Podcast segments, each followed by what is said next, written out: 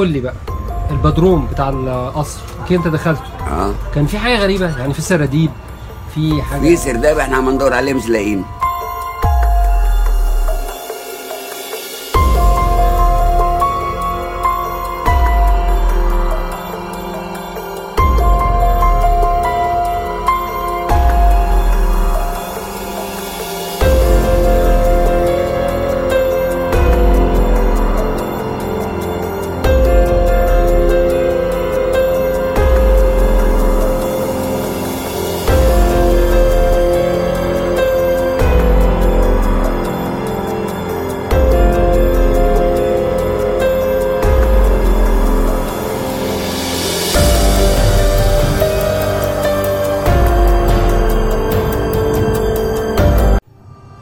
في أسئلة كتير بتدور حوالين قصر البارون زي مثلا هل في سراديب كتيرة في قصر البارون مش بس واحد؟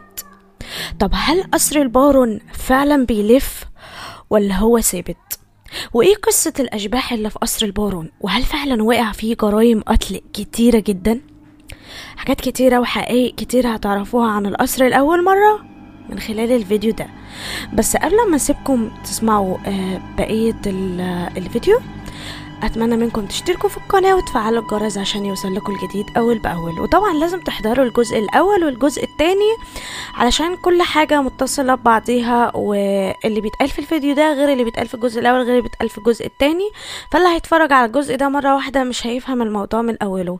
فياريت تروحوا تتفرجوا على الجزء الأول والجزء الثاني وزي ما عرفتوا من الجزء التاني إن البارون امبان مشي بسبب مضايقات السلطان حسين ليه. بعد وفاة السلطان حسين عاد البارون إلى مصر مرة أخرى وفتح قصره وعاش بسلام فيه. وبدأ يستمتع بكل لحظة في القصر بدون مضايقات من السلطان. عاش هو وعائلته في القصر فكان من الطبيعي تكوين علاقات مع الناس.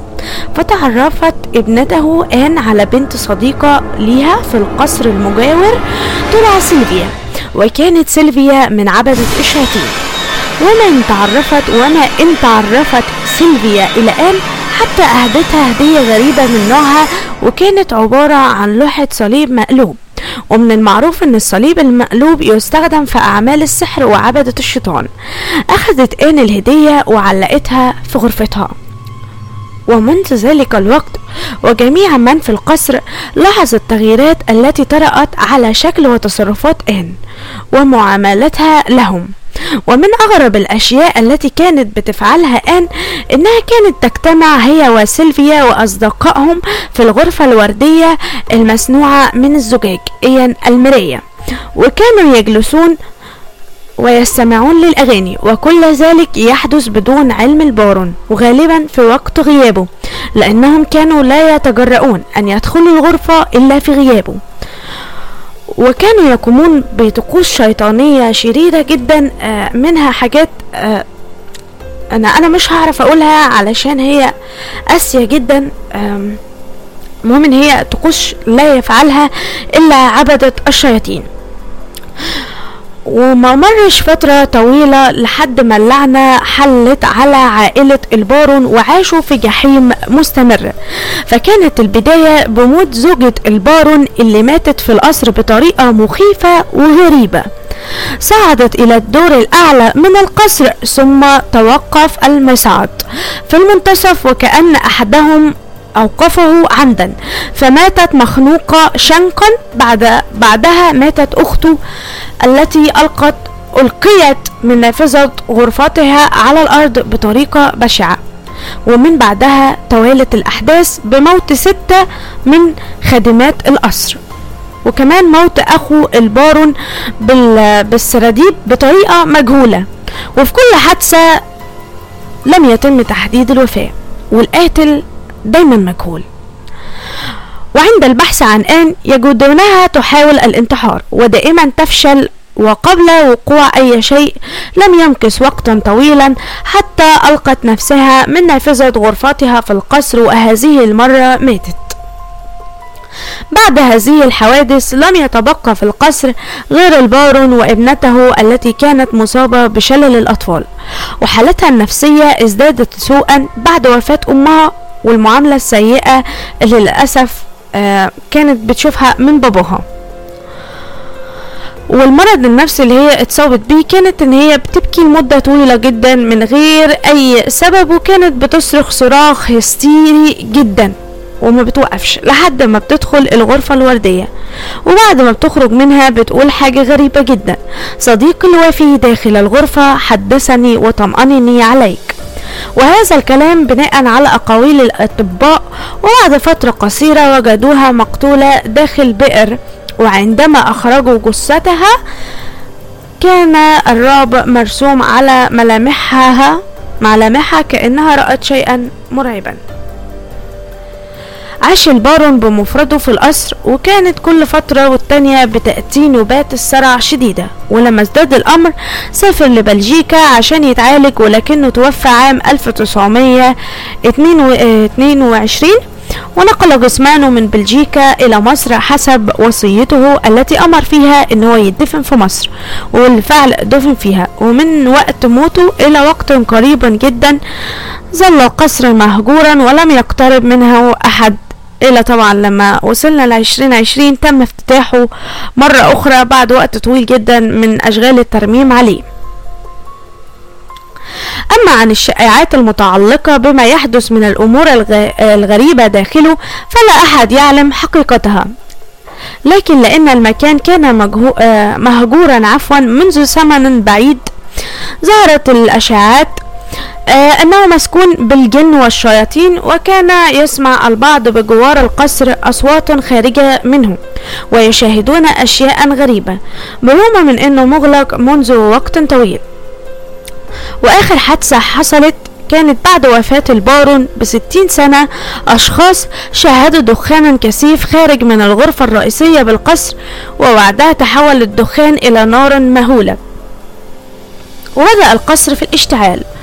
وعندما جاءت الشرطة كل شيء عاد إلى وضعه الطبيعي بدون لا دخان ولا نار.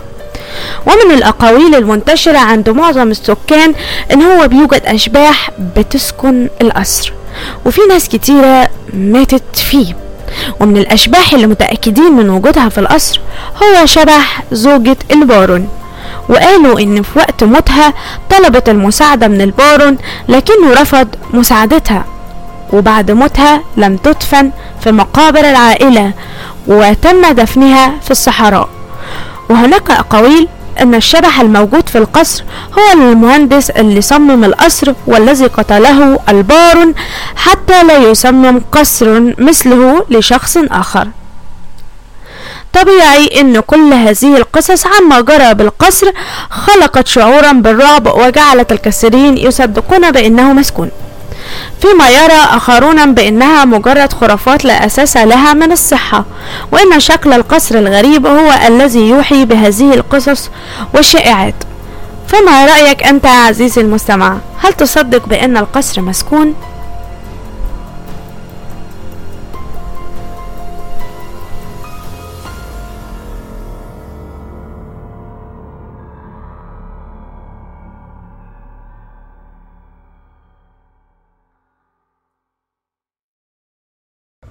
البدروم بتاع القصر. أكيد انت دخلته. آه. كان في حاجة غريبة يعني في سراديب في حاجة في سرداب إحنا عم ندور عليه مش لاقيين أنا مشيته.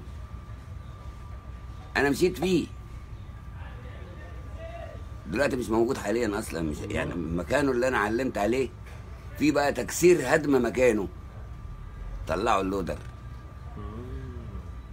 حتى هو بيقول لي انت انت بتتكلم صح لأن في رموز إن كان في حاجة هنا. هم بقالهم 80 مردوم سنة عم عليه. يدوروا عليه حاليا هم مردوم. عليه هم بقالهم 80 سنة عم يدوروا عليه. السرداب ده مش عارفين حتى ببداوا منين لآخره فين. أنا وريت لهم دخوله وخروجه.